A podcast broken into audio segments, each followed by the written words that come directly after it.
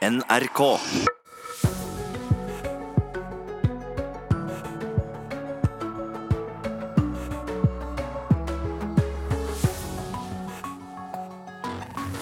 Nyhetsmorgen er i gang. Det er tirsdag 23. juli, og i dag har vi disse overskriftene.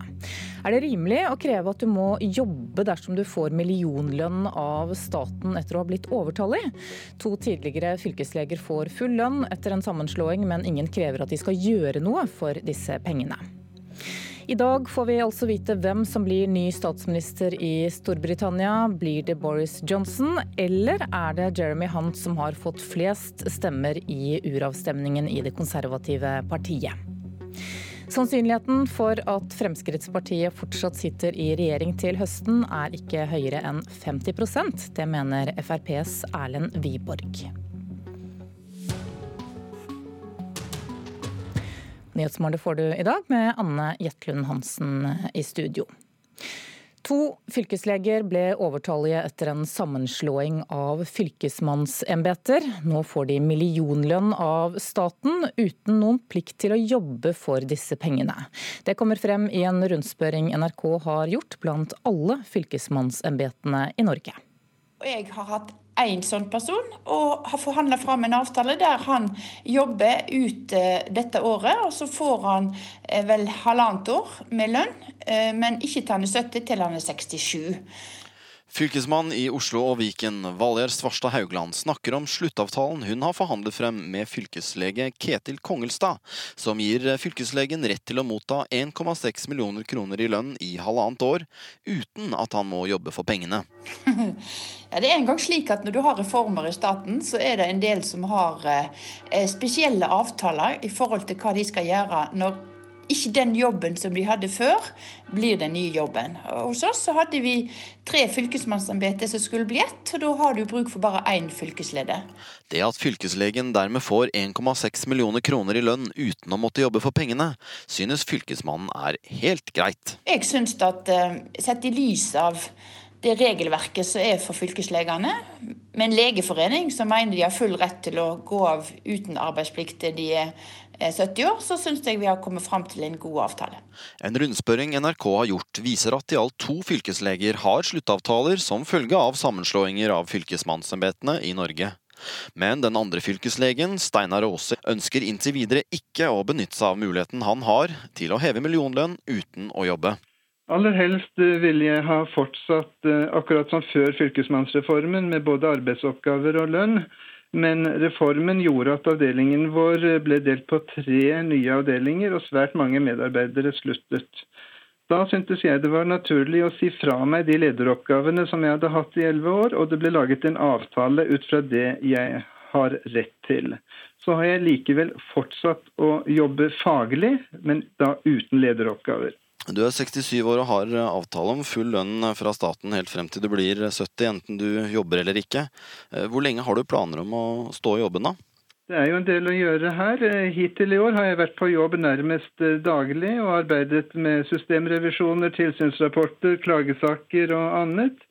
Embetet vårt har mange og viktige oppgaver som angår rettssikkerhet og velferdsordninger. og det er ganske mye å gjøre, særlig nå i forbindelse med, med, at vi har gått gjennom en fusjon. Vi har begrenset kapasitet, og jeg vil gjerne bidra positivt.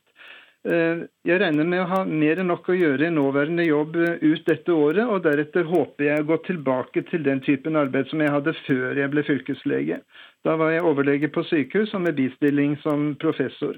Jeg håper å være yrkesaktiv minst til jeg er 70 år gammel. Og fylkeslege Ketil Kongelstad ønsker ikke å stille til intervju. Reporter her var Vegard eh, Venli.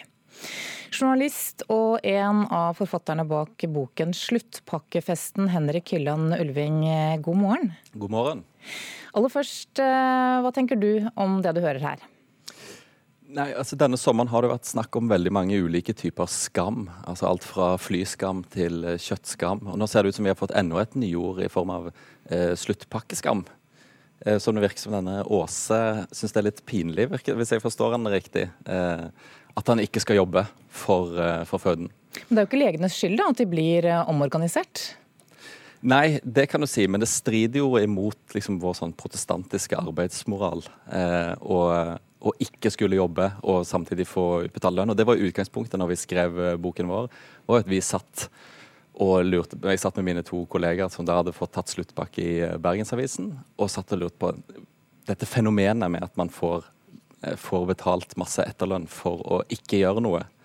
Det var liksom det pirret nysgjerrigheten vår. Hvor kom det fra, og hvordan har det blitt såpass utbredt? Og da særlig, Det sier vel mest om hvor rikt det offentlige Norge er Eh, når du ser de her eh, Når de eh, effektiviserer i, i ledersjikt i offentlig sektor, så har jo dette blitt nærmest standarden. Da er jo ikke dette her en veldig spesielt stor sluttpakke de får. Så en sak fra 2018 hvor NRK hadde gjort en gjennomgang av alle rådmennene som ble overflødige 20, i en periode fra 2016 til 2018. Var det vel en 60 rådmenn tror jeg de hadde kommet fram til som alle hadde da fått mellom ett år og 18 måneders eh, etterlønn, altså sluttpakke. Mm. Men sånne sluttpakker, hva, hva, er det vanligvis? Hva innebærer det? Nei, Det er jo at du får betalt en andel eh, av årslønnen din. Og enten da i, i, altså en full årslønn eller et, eh, halvt, en halv årslønn, eller, eh, eller, sånn som i de her Statoil-pakkene, som var jo da sluttpakke eh, Hvis du har en sånn sluttpakketoppen i norsk arbeidslivshistorie, var jo når Statoil i 2018 tilbød alle over 58 år å få 70% lønn fram til pensjonsalder, altså nesten ti år. Eh, siden den gang så har jo aldri pakkene vært så gode som, eh, eh, som det var da. Men det er jo en måte å få for å, gjøre, å øke fleksibiliteten i den type nedbemanningsprosesser. Men Hva koster det samfunnet da, i, i ressurser? Det prøvde vi. var jo veldig interessert i å finne ut av hvor mye eh, totalbeløp, hvor mye beløpte dette seg til. Men, så, men, det var veldig vanskelig å finne statistikk, for det er så mange ulike typer. Det er så vanskelig å klassifisere de ulike sluttpakkene, så det var det veldig lite offentlig statistikk på. Eh, men du så, så, Det var jo en sak Noen hadde regnet på sluttpakkekostnaden i Statoil nå den siste runden som var i, eh, for noen år siden. Da var det jo snakk om fire milliarder for Statoil sitt tilfelle. Eh, så det er, jo, det er jo enorme beløper eh, det er snakk om. Du fikk jo selv sluttpakke etter å ha skrevet denne boken. Hva, hva er din erfaring? Det er helt riktig. Nei, altså Min erfaring er jo veldig ulik den, eh, den som de her fylkeslegene står oppi. Det, for det første, de er jo, og det er jo nesten påfallende, at begge to er så nært eh, står nært pensjonsalder allerede. Eh, så man, det, det, man lurer jo på det, fylket har jo hatt vanskelige forhand, dårlige forhandlingskort. Det er jo det som eh, Svarstad Haugland refererer til her. at Sett i lys av de reglene som er, så er jo dette her eh, Så er hun fornøyd med den avtalen som hun har kommet fram til. Og det er jo fordi at de har hatt ganske dårlige kort når de skulle gå inn og forhandle med de fylkeslegene som ble overflødige. Eh, sånn at da, eh, og det, det, at de har si, det at de har sittet med noen som er så nært pensjonsalder på andre siden av bordet, har jo gjort den forhandlingen litt lettere. sånn at de, disse, de ikke ble endt opp med noen måtte gi noen sluttpakker som ikke var, som var langt utenfor det som var standarden i, i andre offentlige nedbemanningsprosesser. Takk skal du ha, Henrik Hylland Ulving, eh, som altså har skrevet boken 'Sluttpakkefesten' sammen med Per Lindberg og Hans Brundtland.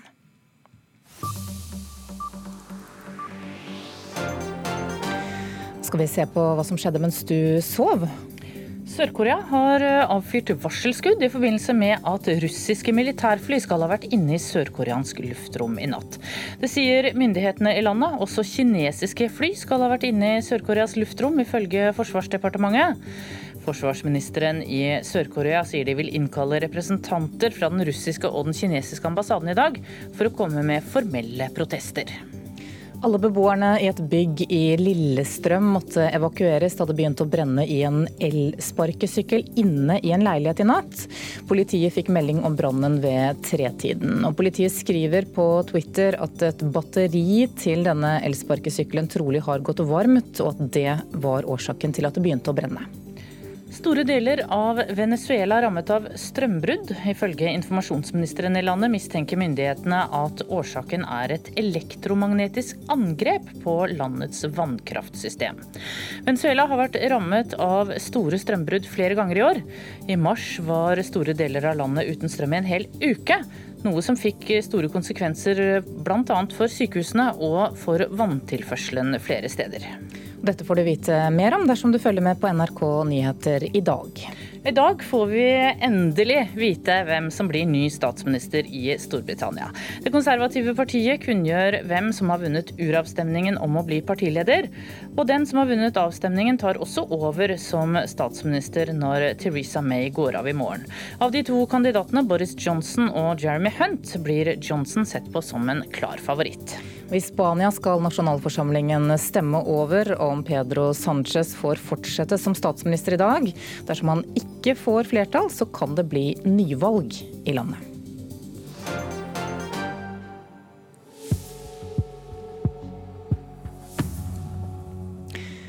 13 minutter over sju er klokka blitt. Du lytter til Nyhetsmorgen, og dette er hovedsaker hos oss.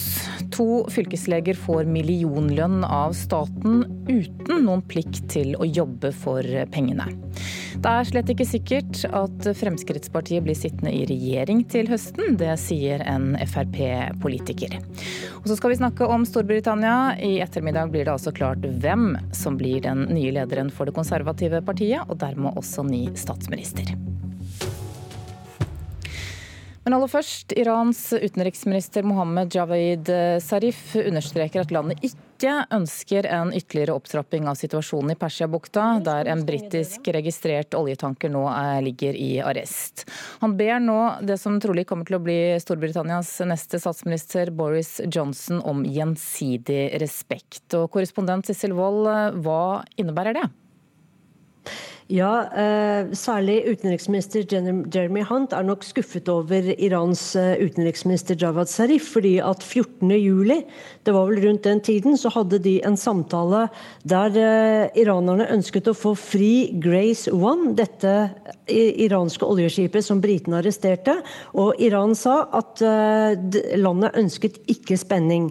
Men 19. juli så forlenget Storbritannia arrestasjonen av Grace One, og da ble iranerne sinte. Og så tok de og arresterte denne Stena Imperio i eh, Hormuzstredet. Eh, sånn at eh, denne saken har, har, har bare eskalert. Og Storbritannia mente nok at man hadde en avtale om nedspenning, men så, så skjer noe helt annet. Og fra Irans side så skriver f.eks. Tehran Times på lederplass i dag at britene er veldig forvirret. De vet ikke helt eh, hva de vil i Persiabukten. Det ene eh, øyeblikket snakker de om nedspenning og dialog, og det andre øyeblikket så tar de båtene våre og oppfører seg veldig aggressivt. Og iranerne er overbevist, eh, også som mange andre, om at USA trakk Storbritannia inn i dette fordi amerikanske satellitter lenge hadde overvåket Grace 1, som gikk fullastet med olje. Og eh, på Twitter så skrev da eh, sikkerhetsrådgiveren til Trump, Bolton, at dette er excellent news, utmerkede nyheter, den dagen eh, det eh, iranske skipet ble tatt i arrest i Gibraltar. Så vet vi at Britene også har tatt initiativ til en ny europeisk ledet slags eskortetjeneste som skal sikre trygg ferdsel gjennom dette smale Hormuz-stredet. Hvordan reagerer iranerne på det? Jeg har ikke sett noen reaksjoner ennå, men helt sikkert er de lettet over at USA ikke har uh, greid å få uh, med press Storbritannia over på sin side.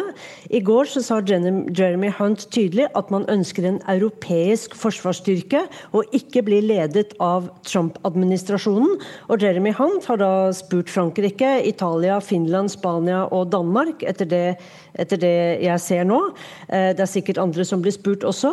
Men eh, dette er jo interessant, fordi at eh, for Iran så betyr dette at USA ikke har greid å splitte europeerne. Og nettopp europeerne er jo veldig viktig for å opprettholde Iran-avtalen slik iranerne ser det. Så har USA varslet at de nå vil innføre nye straffetiltak mot selskaper som handler med Iran. Hvem kommer det til å gå utover?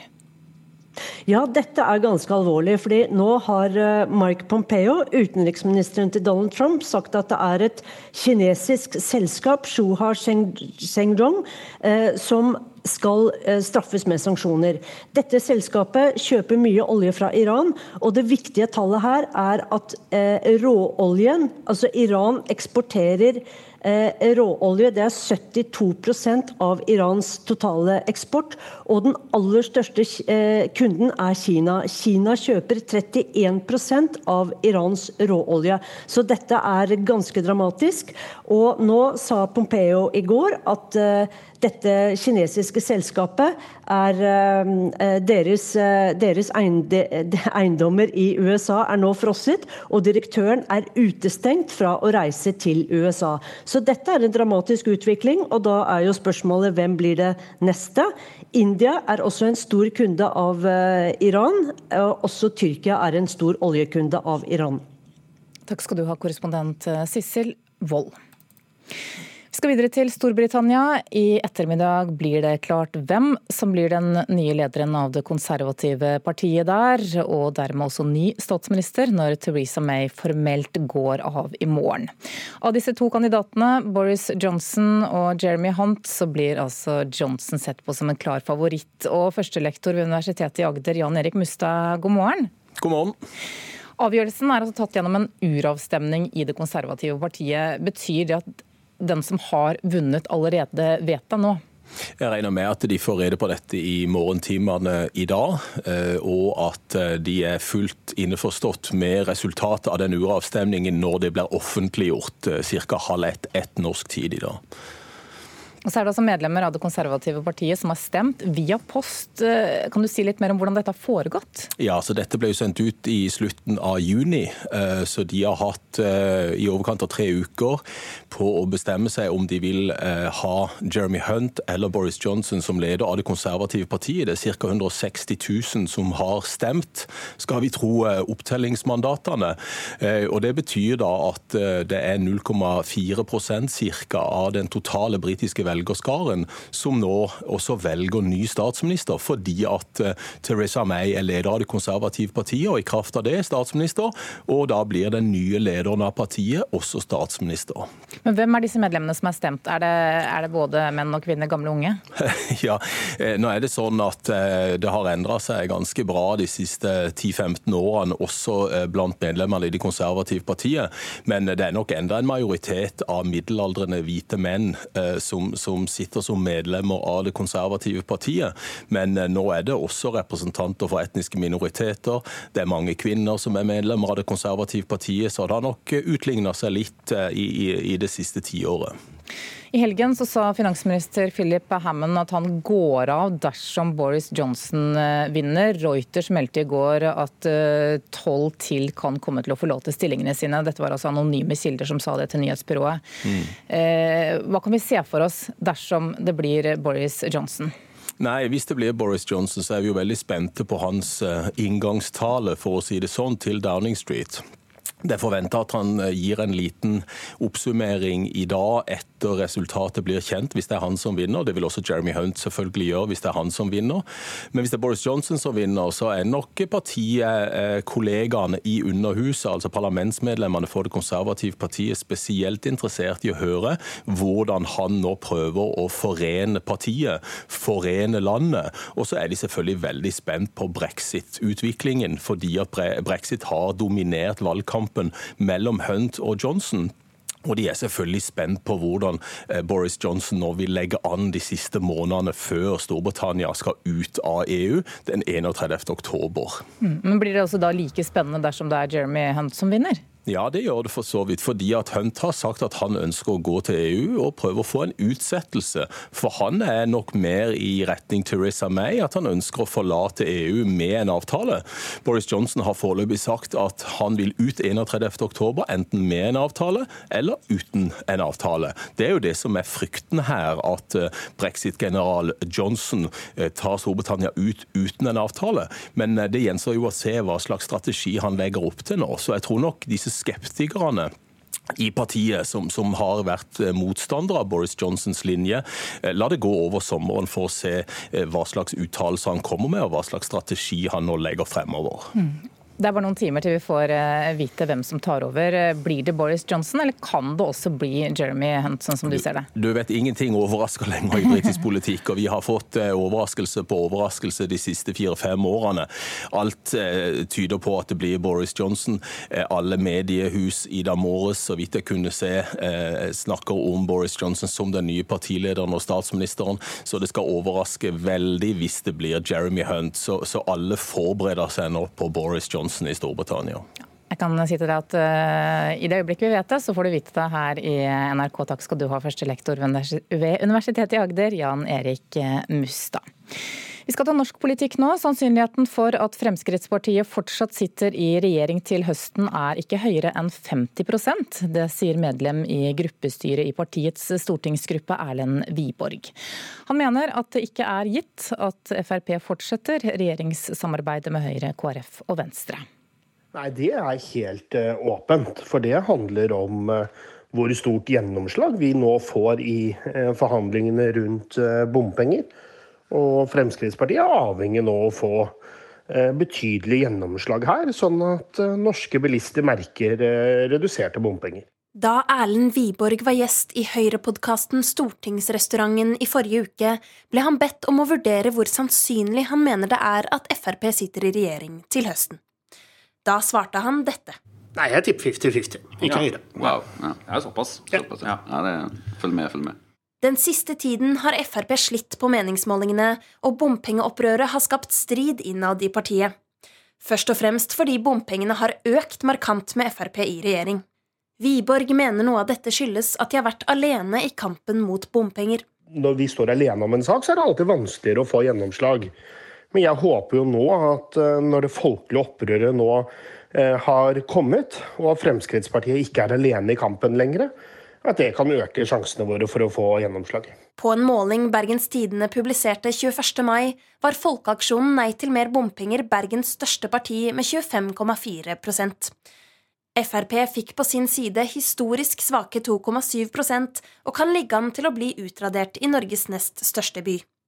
Den 5. juni avholdt FrPs landsstyre et krisemøte.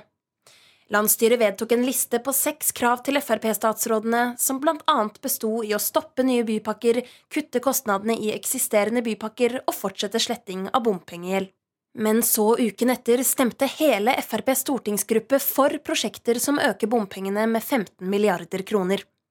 Få dager senere sa Siv Jensen til NRK at hun har ambisjoner om å løse bompengedramaet i august. Erlend Wiborg mener det er på høy tid. Jeg mener det haster med en eh, avklaring. Men igjen så er det sånn eh, Rom ble ikke til eh, over én dag. Det tar noe tid, men heldigvis så vet jeg at Siv Jensen og resten av partiledelsen jobber hardt med dette. Men hva mener partiledelsen i Frp om oddsen for at de sitter i regjering til høsten? FrPs parlamentariske leder Hans Andreas Limi sier i en kort kommentar til NRK at det er landsstyremøtet som til enhver tid bestemmer om man er i regjering eller ikke. Reportere her, det var eh, Selma Joner og Emilie Solberg. Mange, både barn og voksne, har et nært eh, forhold til kaptein Sabeltann. Sabeltann, som går under navnet Kongen på havet, har et 30-årsjubileum i år. Og hver eneste sommer ser titusenvis av mennesker forestillingen i Dyreparken i Kristiansand. Skuespiller Kyrre Haugen Sydnes spilte kaptein Sabeltann for første gang i 2010, og det gjør han fremdeles.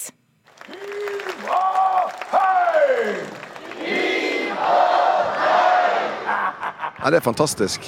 Eh, det er ja, Nå er det ti år siden jeg kom inn i dette universet, i eh, TV-serien som gikk på NRK. Og jeg tror ikke vi har hatt én eh, forestilling som ikke har vært utsolgt til nå. det, det sier sitt. Det er ikke så lett å høre, men det er på en måte selveste kaptein Sabeltann som snakker her. Skuespiller Kyrre Haugen Sydnes fra Bergen er inne i sin tiende sesong som kongen på havet. Jeg, jeg elsker å leke. Dette er en uh, utrolig gøy lek. Eh, det å få lov å leve seg inn i kapteinens eh, verden og sammen med alle de gode kollegaene som vi er på kveldsforestillingene, det er, det er superstas. være en del av. Og det er ikke rart, for i Sabeltanns 30-årsjubileum denne sommeren er han blitt møtt med utsolgte forestillinger på dag- og kveldstid. Mer enn 60 000 har sikret seg billetter, og snart kommer en ny animasjonsfilm hvor bergenseren igjen tar på seg rollen som Norges mest populære kaptein. Kongen på havet, hvem er han? En sort og sint og farlig mann. Det å spille for 2500 foran amfiet på kveldsforestillingen, det er et annet format. Det er mer rockestjerneformatet. Så jeg har vært så heldig for å gjøre både spillefilmen og også animasjonsfilmen, som er to andre format. Det er egentlig ganske sjelden at en skuespiller får lov å både være med på det store formatet, men også få lov å koke ned sausen da, til at det skal funke på film. Det fins en konge på havet. Har du sett for deg hvor lenge du har lyst til å gjøre akkurat dette her? Så lenge det er gøy, så lenge Terje, så lenge Parken er fornøyd. Det må jo være et behov, og de må synes at det er viktig at jeg gjør eh, kapteinen. Vi får se. Jeg synger en sang om livet om bord.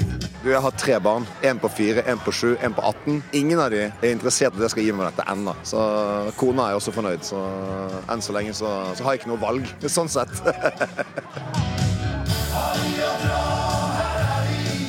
Nei, for alt tyder på at 46-åringen får leke mer som kaptein Sabeltann fremover. Terje Formoe, som skapte det nå store universet i 1989, beskriver litt av det ansvaret som ligger bak rollen. Da jeg selv spilte, så bøyde jeg meg alltid ned til barna og hviska i øret på dem at husk at du og jeg er venner. For det er, det er en slags motstykke til det at han er så skummel og så høyrøsta. Og det er det engasjementet som gir Kyrre Haugen Sydnes den store gleden ved å ta på seg sjørøverfrakken hvert eneste år. Det å kunne være alles kaptein Sabeltann. Det er det som er fantastisk med, å, med, med teaterformen. At det er et så varmt og genuint øyeblikk som man deler sammen. Både vi på scenen og de i amfiet. Uh, og Du ser alle som har kledd seg ut og, og lever seg inn i, i denne historien. Uh, det er stort. altså. Kjempegøy.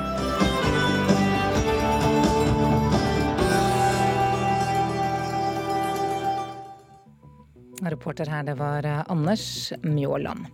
Klokka nærmer seg 7.30. Tone Nordahl sitter eh, klar med Dagsnytt. I vårt politiske sommerportrett etter det så skal du få møte politiker Ingrid Sponheim, som representerer eh, samme parti som faren Lars Sponheim ledet i 14 år, nemlig Venstre. Produsent for Nyhetsmorgen i dag, Minerve Gildis. Her i studio, Anne Jetlund Hansen.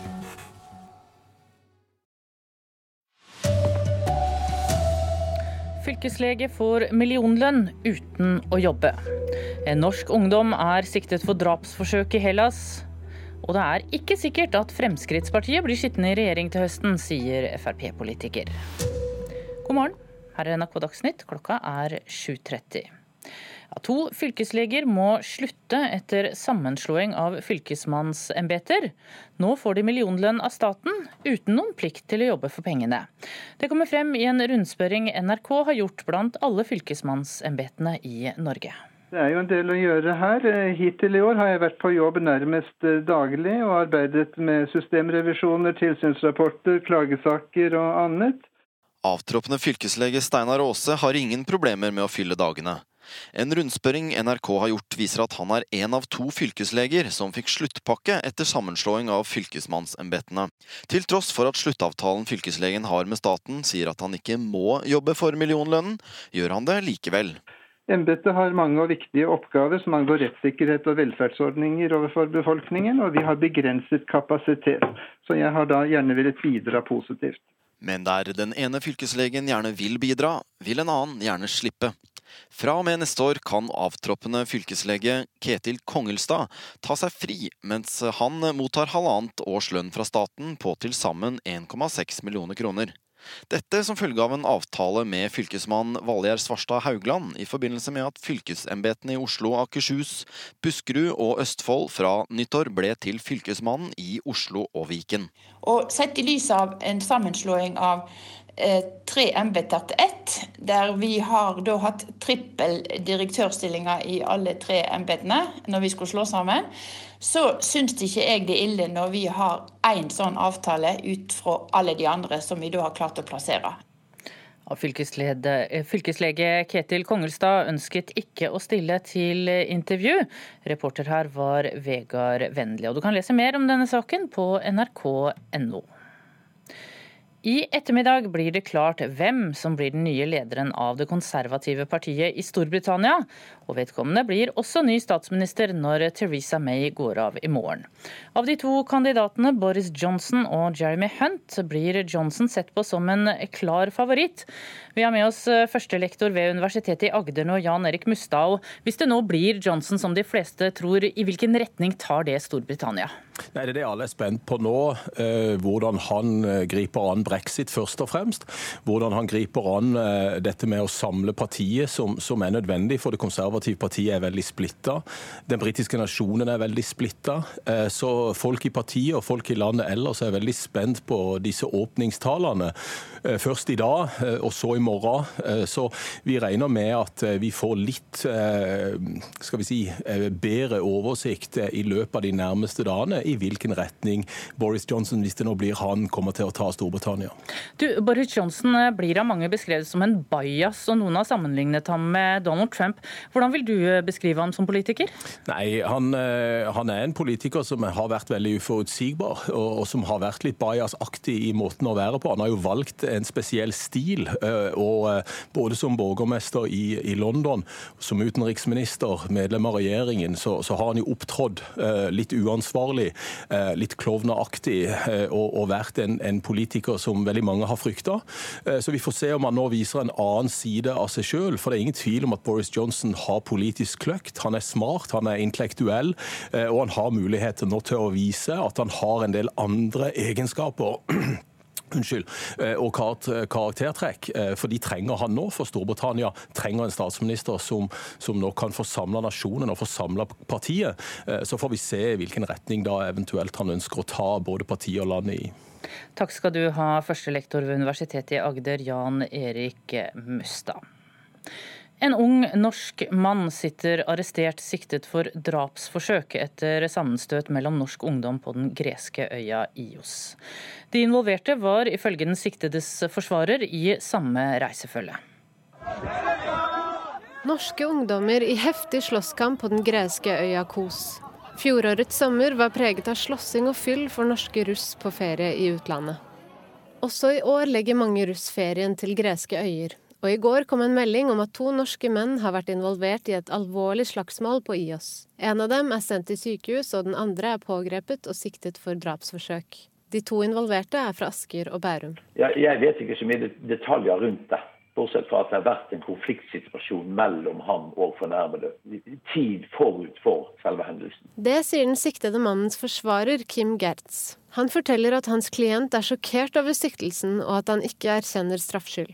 Mannen er nå overført til den greske øya Naxos, der han har blitt avhørt. Far til den fornærmede forteller at sønnen var på en arrangert tur for neste års russ, og at han vil bli sendt hjem til Norge så fort som mulig. Politiet har tidligere uttrykt bekymring for russeturene, og i forrige uke kom politiførstebetjent og avsnittsleder ved Majorstuen politistasjon, Johan Benitez, med følgende råd til ungdommer som skal på tur. Det er å holde sammen, eh, og så er det å være forsiktig med inntak av alkohol. Drikk mye vann, og ikke ta imot drinker, men drikk fra flasker som man ser da er blitt spretta eller bokser. Da. Men eh, i all hovedsak handler det der om å ta vare på hverandre. Reporter her var Pernille Solheim. Hydros resultat er dårligere i andre kvartal i år enn det var på samme tid i fjor. Denne morgenen slapp Hydro resultatet før skatt, som var på 875 millioner kroner. I fjor var det på 2,7 milliarder kroner. I mars i år ble selskapet angrepet av hackere, noe som har kostet mellom 250 og 300 millioner kroner.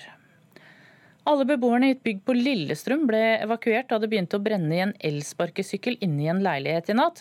Politiet fikk melding om brannen ved tretiden. Årsaken kan ha vært at et batteri til elsparkesykkelen gikk varmt, og at det derfor begynte å brenne. Sannsynligheten for at Fremskrittspartiet fortsatt sitter i regjering til høsten er ikke større enn 50% Det sier medlem i gruppestyret i FrPs stortingsgruppe, Erlend Wiborg. Nei, Det er helt uh, åpent. For det handler om uh, hvor stort gjennomslag vi nå får i forhandlingene rundt bompenger. Og Fremskrittspartiet er avhengig nå å få betydelig gjennomslag her, sånn at norske bilister merker reduserte bompenger. Da Erlend Wiborg var gjest i Høyre-podkasten Stortingsrestauranten i forrige uke, ble han bedt om å vurdere hvor sannsynlig han mener det er at Frp sitter i regjering til høsten. Da svarte han dette. Nei, jeg tipper 50-50. Ikke ja. Høyre. Wow. Ja, ja såpass. såpass ja. ja det, følg med, følg med. Den siste tiden har Frp slitt på meningsmålingene, og bompengeopprøret har skapt strid innad i partiet. Først og fremst fordi bompengene har økt markant med Frp i regjering. Wiborg mener noe av dette skyldes at de har vært alene i kampen mot bompenger. Når vi står alene om en sak, så er det alltid vanskeligere å få gjennomslag. Men jeg håper jo nå at eh, når det folkelige opprøret nå eh, har kommet, og at Fremskrittspartiet ikke er alene i kampen lenger, at det kan øke sjansene våre for å få gjennomslag. Men hva mener partiledelsen i Frp om oddsen for at de sitter i regjering til høsten? FrPs parlamentariske leder Hans Andreas Limi sier i en kort kommentar til NRK at det er landsstyremøtet som til enhver tid bestemmer om man er i regjering eller ikke. Reportere her var Selma Joner og Emilie Solberg. 16 år gamle Emil August Pedersen er en av tre nordmenn som har klart å kvalifisere seg til VM i dataspillet Fortnite. Det populære spillet har 250 millioner spillere verden over. I VM i New York til helgen er det bare 200 som får delta. Fingrene går fort over tastaturet når Emil August Pedersen spiller Fortnite. Han er nemlig en av verdens beste i det mest populære dataspillet gjennom tidene. Når det ble lagt til at det skulle være en World Cup i Fortnite, så så, alle, så jeg og mine venner på det som noe vi aldri kommer til å klare. Men det klarte han, for 16-åringen kvalifiserte seg til VM som blir arrangert i New York til helga. Nei, det er, det er rart. Jeg klarer ikke helt å forstå helt. Har ikke helt skjønt at jeg skal til New York for å spille Fortnite i VM. En kunne kvalifisere seg til to turneringer i VM. Den ene spiller han alene, medan i den andre har han med seg en partner på laget. Emil kvalifiserte seg i det de kaller duo, og partneren måtte han finne i utlandet. Og jeg spiller sammen med min østerrikske partner, som heter David. For det er vanskelig å finne seg en norsk å være på lag med, som er god nok til å holde nivået. I Norge er det bare to andre enn Emil som har klart å kvalifisere seg. Det er ikke så veldig mange gode norske, så... og de fleste har en partner. Om det går godt i VM, kan det bli virkelig høye summer for 16-åringen. Førsteplassen er på 30 millioner norske kroner. Så det er delt på to da i duo, så da blir det 15 millioner. Ja, Det sa Emil Auguste Pedersen. Reporter var Magnus Helle. Ansvarlig for Dagsnytt i dag er Anne Skårseth. I studio Tone Nordahl.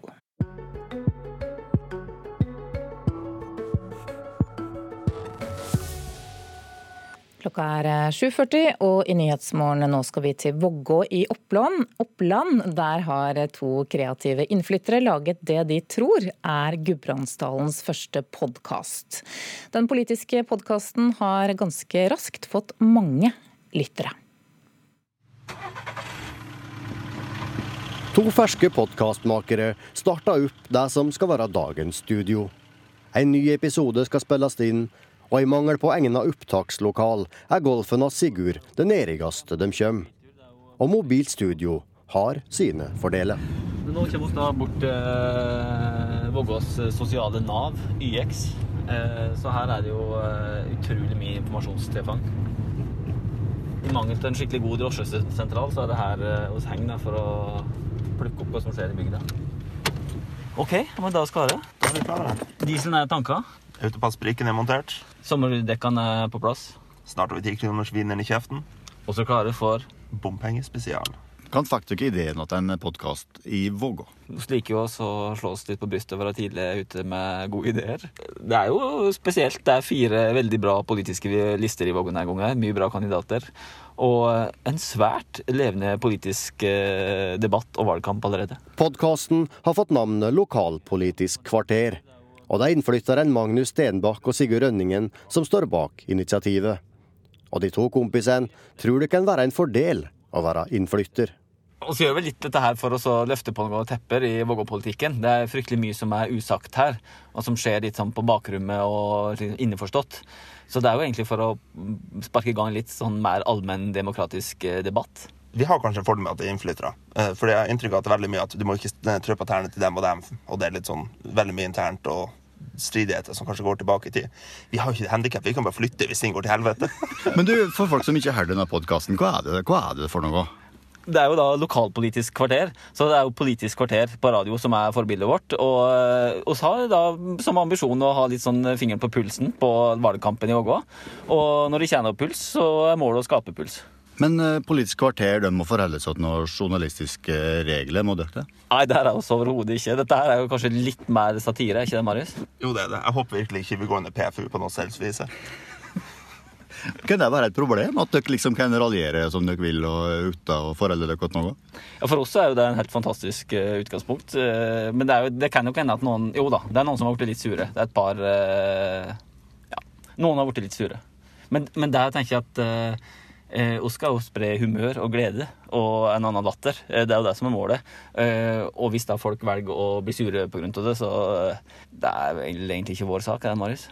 Nei, det er ikke det. Men det er jo litt skummelt da, at vi som to løker i en bil med et headset har tilgang på 500 mennesker å kommunisere til på en jevnlig basis. Så, så, vi har kanskje et ansvar der, jeg vet ikke, men vi tar ikke det ansvaret. Podkasten ble gjort tilgjengelig gjennom sosiale medium og har etter kort nådd mange. Og sjøl om ikke alle er like glade for den frie raljeringen inn mot valgkampen, har de to podkastmakerne nå planer om å ta turen til nabokommunen. Ja, De har allerede fått invitasjon, stående invitasjon til Skjåk. Så det blir neste. Det blir en sånn satellitt, lokalpolitisk kvarter Skjåk. Og så er det jo masse Herregud, det er mye å ta til på Otta, altså. Så det må være målet. Det blir god Og ikke minst Lom. altså hvor mange, To lister i Lom. Du, Å skal eldre opp i Bøvdalen, det tør jeg bare ikke. Ja, reporter her, det var Even Lusæter.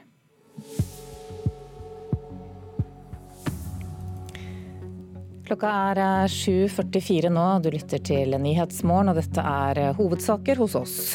To fylkesleger får millionlønn av staten uten at de har noen plikt til å jobbe for pengene. Hydro fikk et underskudd på 8 millioner kroner før skatt i andre kvartal. Dataangrepet tidligere i år er én grunn til at resultatet faller. Og Sannsynligheten for at Fremskrittspartiet fortsatt sitter i regjering til høsten er ikke høyere enn 50% Det mener FrPs egen Erlend Wiborg. I sommer så sender vi jo portretter med politikere foran valget i september, på den tiden du vanligvis hører Politisk kvarter. I dag skal du få møte Ingrid Sponheim, som er vokst opp på sauegården Sponheim i Ulvik herad i Hordaland. Datteren til Lars Sponheim har en stor politisk arv å forvalte, men selv er hun fornøyd med å være aktiv i lokalpolitikken i Ulvik, med i overkant av 1100 innbyggere innerst i Hardangerfjorden.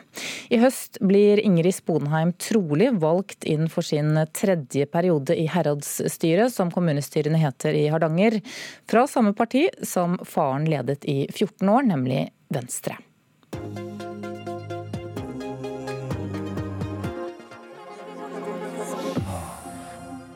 Det er sånn at Ulvik Venstre er et veldig stort lokallag med veldig masse flinke folk. Eh, og har periodevis hatt ordfører og er, en, eh, er, et ganske stort parti her. Selv om ikke det er det ellers.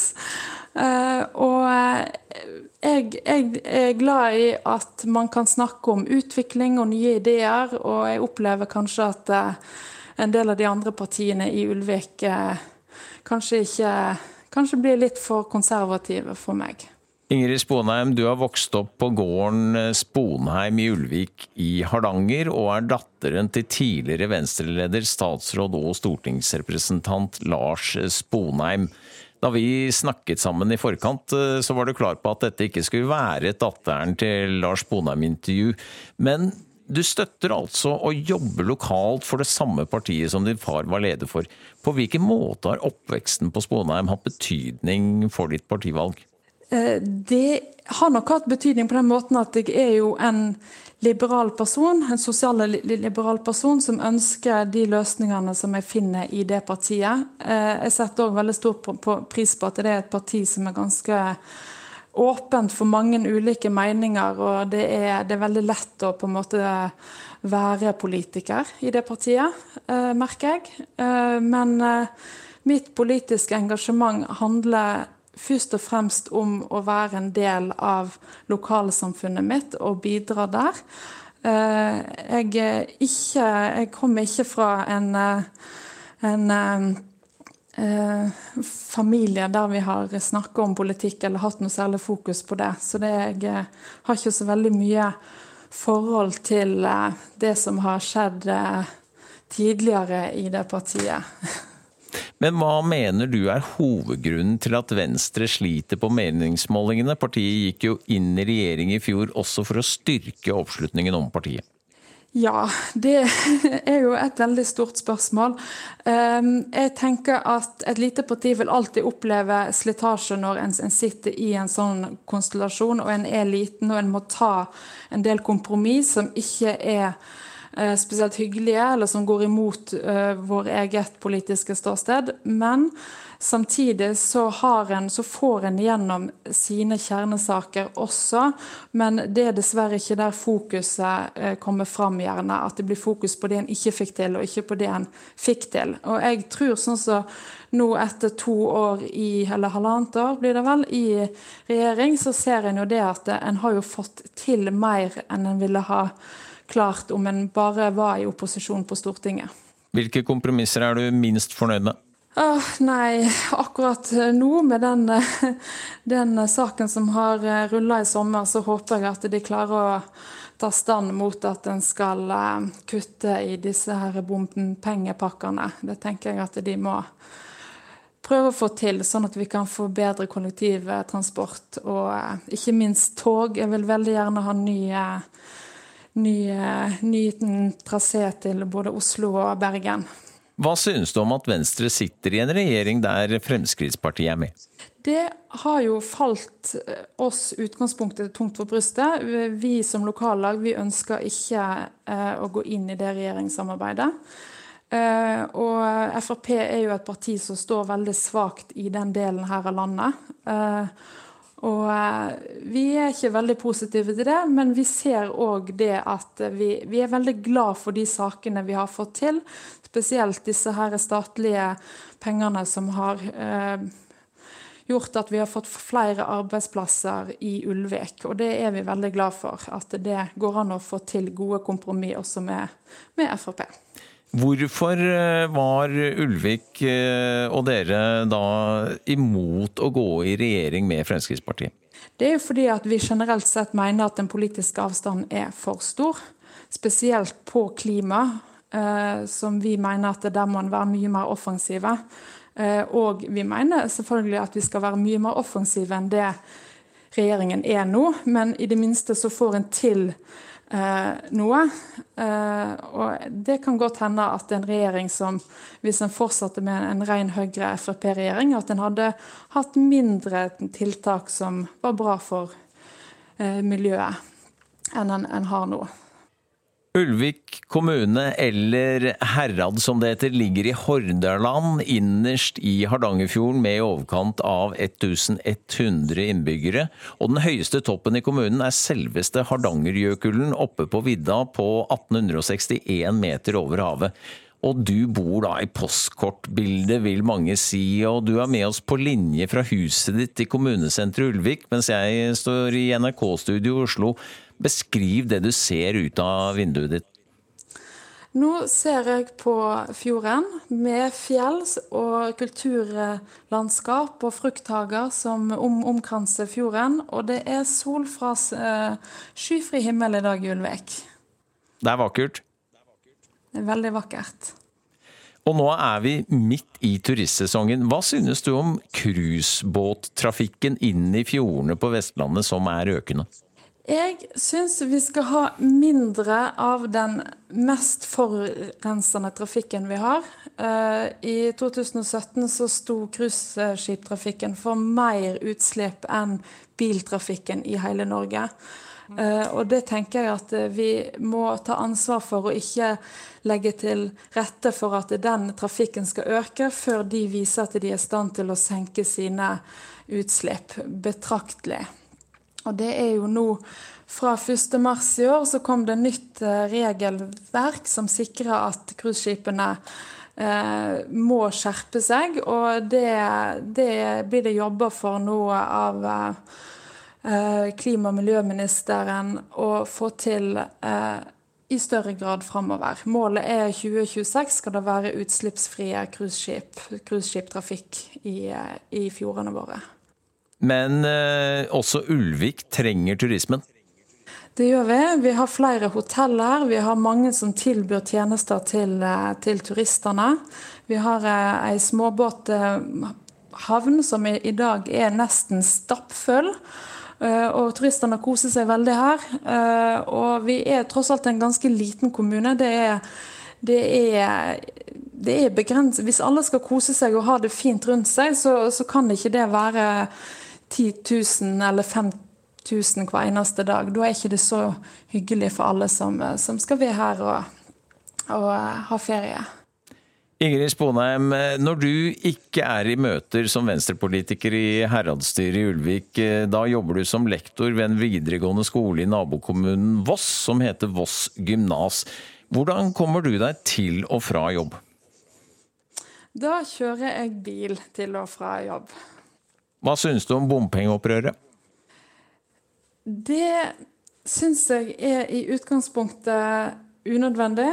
Det er for å få til redusert eh, klimagassutslipp, så er en nødt til å begrense biltrafikken. En er nødt til å få mer, eh, mer eh, nullutslippsbiler på, på veiene, og en må ha mer kollektivtransport. Det kommer en ikke utenom.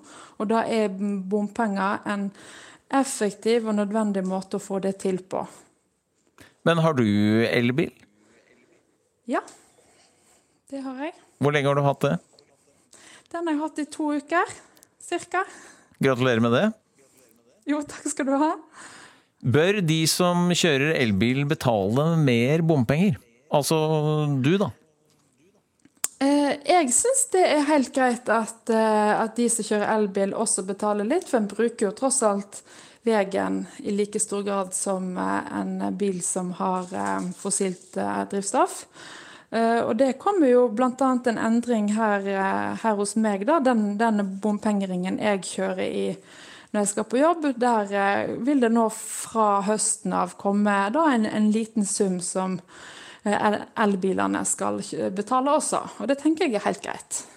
Ditt parti Venstre legger jo stor vekt på å videreføre elbilpolitikken. Hvilke konsekvenser har det fått i Ulvik og Voss som du kjenner godt? Her i Ulvik så er det veldig mange som kjører på jobb i nabokommunene. Og de jobber kanskje på litt tider som gjør at det er vanskelig å ta buss, og en må, må prøve å kjøre bil. Og da er det veldig viktig at, en, at, all den kjøringen foregår med elbil, og det er det veldig mange som gjør. Så for pendlerne i Ulvik så er det veldig viktig at den ordningen videreføres. Og det blir det kjempa for av, av Venstre nasjonalt og på Stortinget. Ingrid Sponheim, du bor altså i kommunesenteret Ulvik, og broren din driver gården Sponheim med sau. Men du er på gården nesten hver dag, sa du da vi snakket med deg på forhånd. Hvorfor det? Det er fordi at jeg er så heldig at jeg får ha stallplass hos uh, broren min, og der, har jeg, uh, der er jeg oppe og driver med, med hestene mine. Hvorfor denne sterke interessen for hest? Det jeg har vel egentlig alltid vært interessert i hest. Jeg syns det er en fantastisk fin måte å være ute på, og jeg liker veldig godt å holde på med dyr. Uh, og jeg har engasjert meg veldig i en Norges sin mest kritisk utrydningstrua hesterase, som heter nordlandshest lyngshest, som jeg har drevet med siden 1998. Og det gir meg veldig mye glede. Du trives på hesteryggen i full galopp? Det gjør jeg absolutt. Tenker du politikk på hesteryggen der? Nei, veldig lite. Slappe av og kose meg. Hva gjør du når du har det aller best om sommeren? Da er jeg på vei ned fra en um, fjelltopp med nydelig utsikt, og skal ned og ta en uh, liten båttur på sjøen på fine fjorden vår. Og så blir det et glass lokalprodusert sider etterpå på altanen. Da har jeg det veldig bra. Flyr du på ferie i sommer? Det gjør jeg ikke. Jeg skal være stort sett i Ulvik i sommer. Er det et bevisst valg i forhold til dette med spørsmål om flyskam? Det er egentlig ikke det. Jeg liker veldig godt å være i Ulvik om sommeren, for da er det så fint å være her. Da har vi alt vi trenger med både bading og sjøliv og fjelliv. Og så blir det ofte en tur eh, litt sydover når det er mørkt og kaldt. Og da har du ikke skam når du eventuelt flyr til Syden? Eh, vi vi er litt sånn at vi flyr ikke til Syden, vi flyr til enda høyere fjell for å stå på ski. Men eh, jeg tenker at eh, man må, man må kunne ta, ta seg én eh, tur i alle fall, og kanskje, kanskje, to i året uten å være for skamfulle for det. Og så får en heller jobbe med, med å uh, få bekjempa uh, klimakrisen på så mange områder som en kan ellers gjennom hele året. Du kommer altså fra Sauegård, ikke hvilken som helst Sauegård, Sponheim. Eh, og eh, da er det vel eh, opplagt hva dere har på grillen i sommer? Ja, da griller vi lam, selvfølgelig. Det er helt perfekt. Har du noen gang tenkt at du ville gå i din far Lars Bonheims fotspor over fjellet og inn på Stortinget? Jeg går gjerne på fjellet, men ikke, ikke videre. Så du tenker ikke stortingsplass og nasjonalpolitikk? Nei, det, det, gjør jeg ikke. Jeg har ikke noen politiske ambisjoner utover at jeg har lyst til at Ulvik skal være en eh, veldig god kommune å bo i. Ja, Det ble altså ingen vandring over fjellet til Oslo for Ingrid Sponheim. Hun ble intervjuet av reporter Eirik Ramberg. Og du kan høre hele dette intervjuet på podkast. Klokka nærmer seg eh, åtte. Vi skal straks ha Dagsnytt ved Tone Nordahl. Etter det skal vi bl.a. snakke om eh, Iran og forholdet til USA og Storbritannia. Det som skjer i Persiabukta nå. Vi skal også snakke om eh, at en norsk mann er siktet for drapsforsøk etter en slåsskamp i Hellas.